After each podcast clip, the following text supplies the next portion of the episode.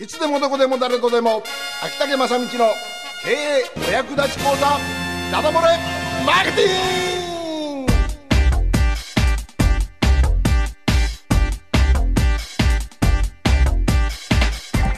さあ時刻は6時を回っております。秋竹正道のただ漏れマーケティング。もう毎週毎週かっこいいこのオープニングでございますけどもね。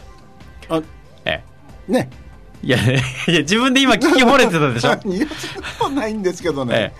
えいやまあ嬉し嬉しいよな。で毎週毎週、うん。その、えー、と録画されたものとか、はい。ねえーそれからポッドキャストなんかの方も含めまして皆さんに好評ということでございますんで。お。かげさまで皆さん、ええあのよく聞いてくださってるようで、はい。ありがとうございます。あ今日もあのユーストリームがちょっとポンポッと増えましたね。そうですね。はいどんどん行きたいと思います。はい。さあ今日はですね、えーこのシリーズ13回にわたりましてあの小さな会社の、えー地域密着型ブランドの作り方ってことでやってますが、えー今日のテーマはですねあの USP、うん。まあ、この番組でよく出てくる言葉なんですがあの独自の売り。ですね。はい、うん秋竹さんからもよく聞きますねそのね、はい。独自の売りということについての、えーテーマでいきたいと思うんですが要するに独自の売りを作りましょうということです。あのよくですね、えー例えば飲み行った時とかですねですねうん。あの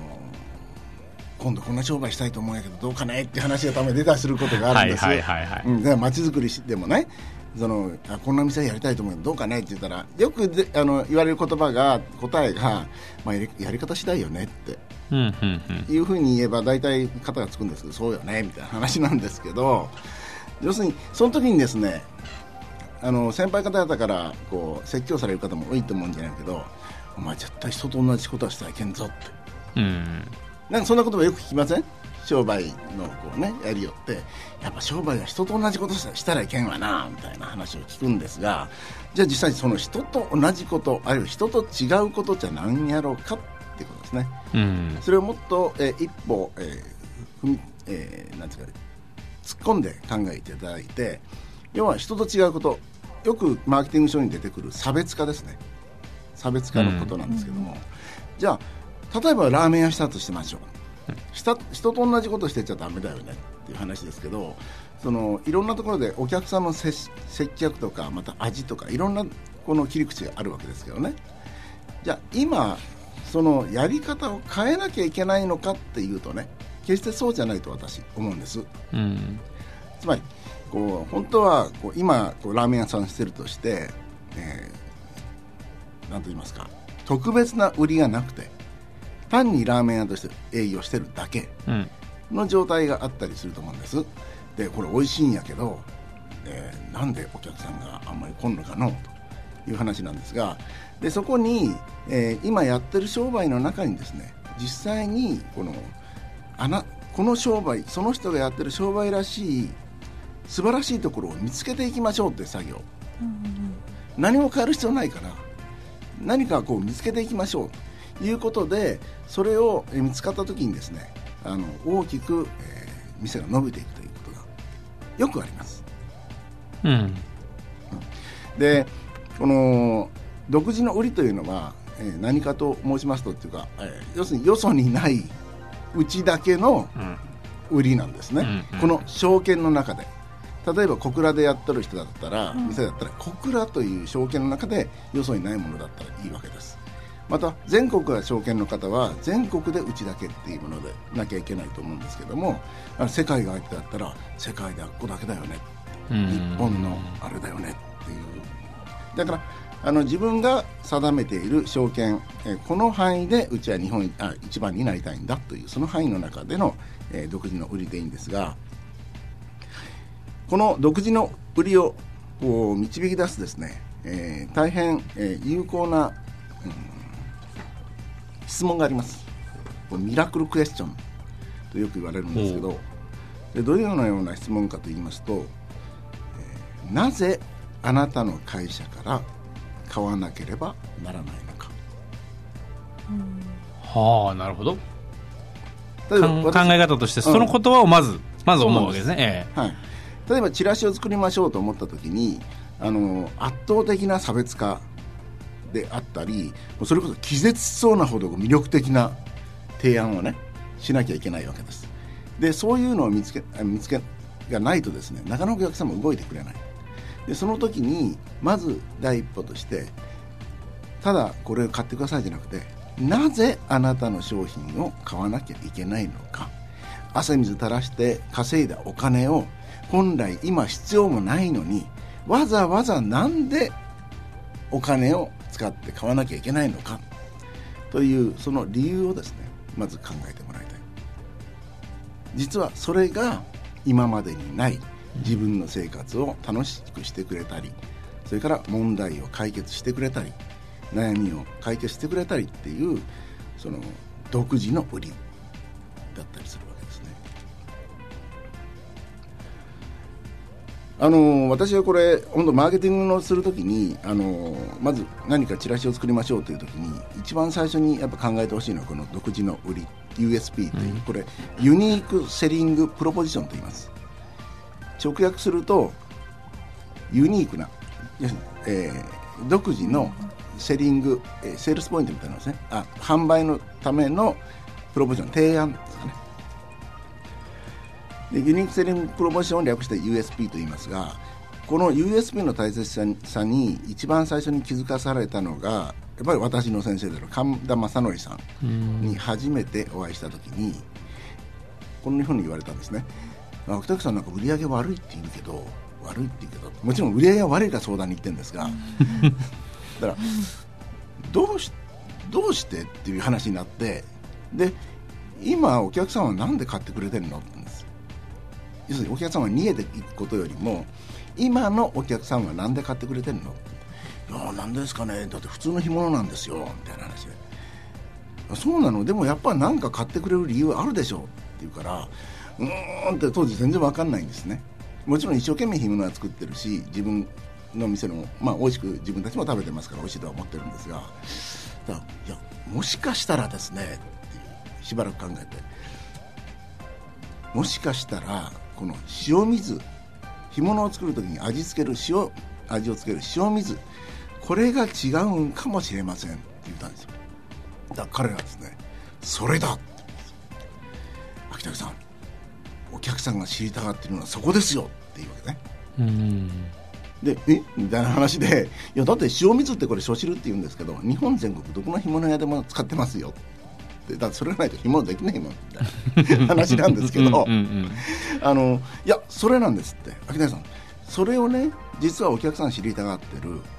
みんないい原料を厳選な目で選別しとかね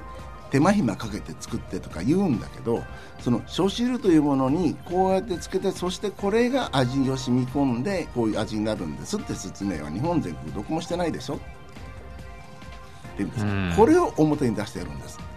でそれからジジアというのは初汁が違います。初汁が違いますっていう販売のコピーになってきたんですけど、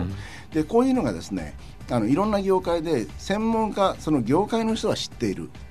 だけどお客様は知らないっていうことがよくあるんですね。見落としていることが。まずそういうところを探し出すというのが USP の第一歩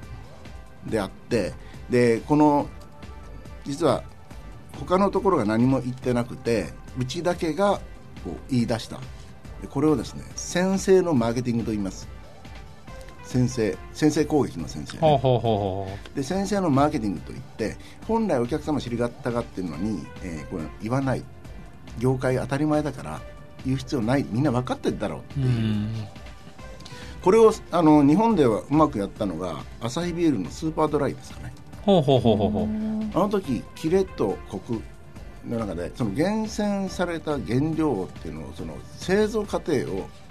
多分イメージさせたんですね、うん、で実はこれアメリカもっと前にアメリカであの、まあ、とあるコンサルタントがビール会社にコンサルに入りましてでそこでは広告コピーでやっぱり原料を厳選して書いてたんですね。でそのコンサルタントが入った時にその厳選してどうやって厳選してるの？って話になってその実際に工場に見に行くとすげえ厳選してたんですよそれを表に。出なるほど。なるほどなるほど、ね、で今あのよくフェイスブックとかでも私ラーメン屋さんとかに勧めてますが、うん、ぜひ台所を見せてください。って言いますよね、でそのノウハウのノウハウまで見せる必要はないんだけれども、うん、例えばスープを炊いてる姿とか、うん、そそれから丼包丁まな板。うん。えこの辺であこういうふうなものを使ってやってるんだっていう裏を見せてやることによってそのラーメン屋さんのこの製造工程とイメージしちゃうんですね。うんうん。でプロの部分を、うん。まさにこう垣間見る感じですよね、そうですね、ええ。ーそういう形でですね、まず先生のマーケティングっていうのは、要するに今実際にやってることの中から探し出す、えこれが USB の見つけ方の一つだから USB っていうのが、えー普通考えたらですねえーどこよりも安く売りますなんていう話があるんですがまた何年も商売やってます、うんうんうん。そんな誰でもいいことであって、うんうんでもっとお客さんがビビッとくるところをね、えーやってほしいんですけどえ気絶するほどこう魅力的な提案だったり あるいは圧倒的な差別化。で USB がですねこのマーケティングの中でよく事例で取り上げられたのはあのこういうのがあります。ドミノピザ。はいはいはい。30分以内にお届けできなければ料金をお返しいたしますの。返金いたします。っていうこの完全保証ですね。うん。で実はジジヤもそれやってるんです。おう。そうですか。30分以内で。はいじゃなくてですね。えあのー、ジジアの場合は、えー商品完全保証をしておりますということで、うんうん。えー生物につき、えー返品はご容赦ください。うん。でなんてことは言ってられませんっていうことを書いてるんですね、あもうそうですね。はいはいはいはいはいはい。えー製造するものとしてうんうのん責任であり、それから、えーそれが、えーなんていうか、えーなんて書いてましたっけ？誇りやったかな。ああなんかねあのねはい。だと思っておりますので、えーでえー理由の遺憾にかかわらず返金交換返品を快くお受けいたしますというで干物屋でそんなところは日本人に関してもそれなかったんですね。うん。でこの要するに返金保証ですよ。要するに安心してリスクはありません。まず買って食べてみてください。まずかったらお金返しますっていうことなんですがえこれはですね先ほどの先生のマーケティングが探し出してますね。良さを探してます。ところがもし良さがないとどう見ても普通の商売だと思った時は、もう保証をつけてその作り出す自ら USB を意図的に作り出す。うんうんドミノピザみたいに30分というものをできるようなオペレーション仕組みを作れみたいな。これで勝負だみたいな、えー新たに作り出す。ということで、えー USB が、えーできる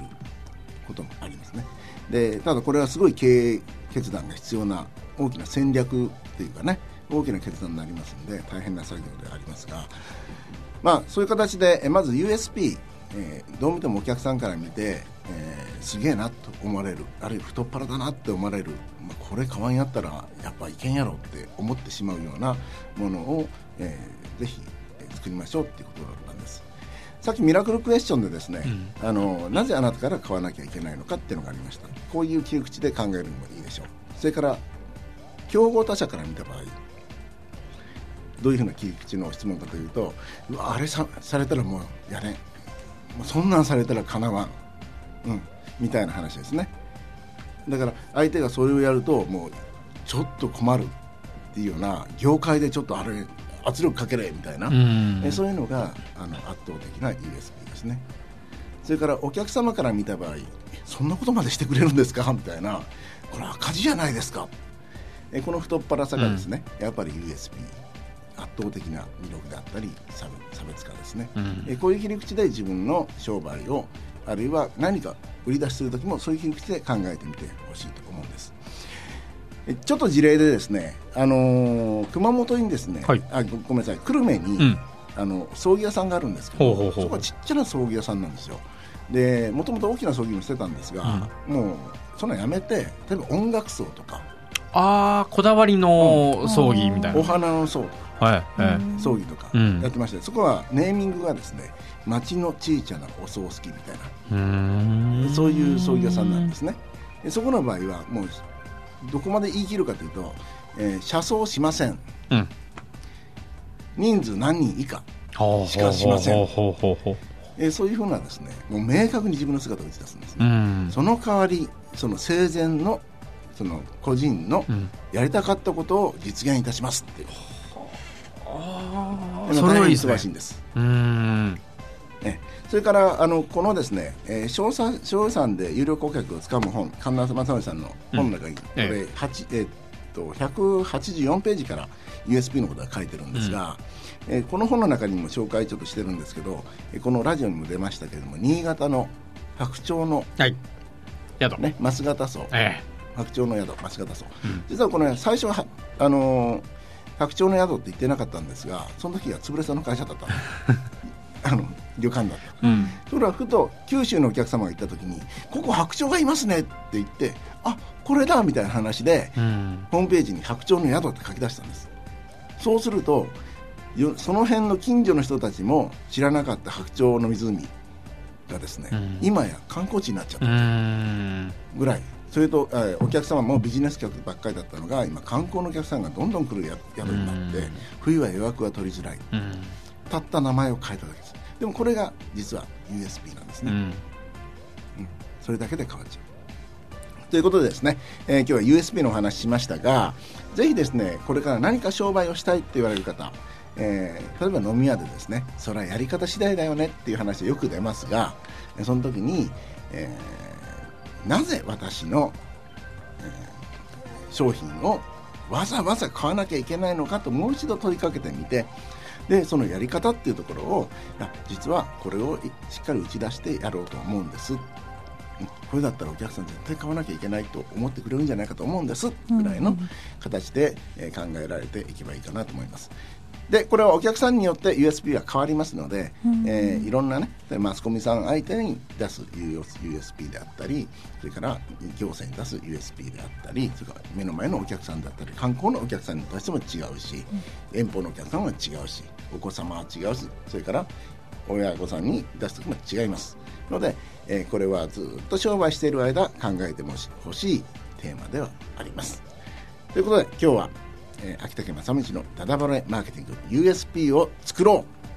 うということでございました。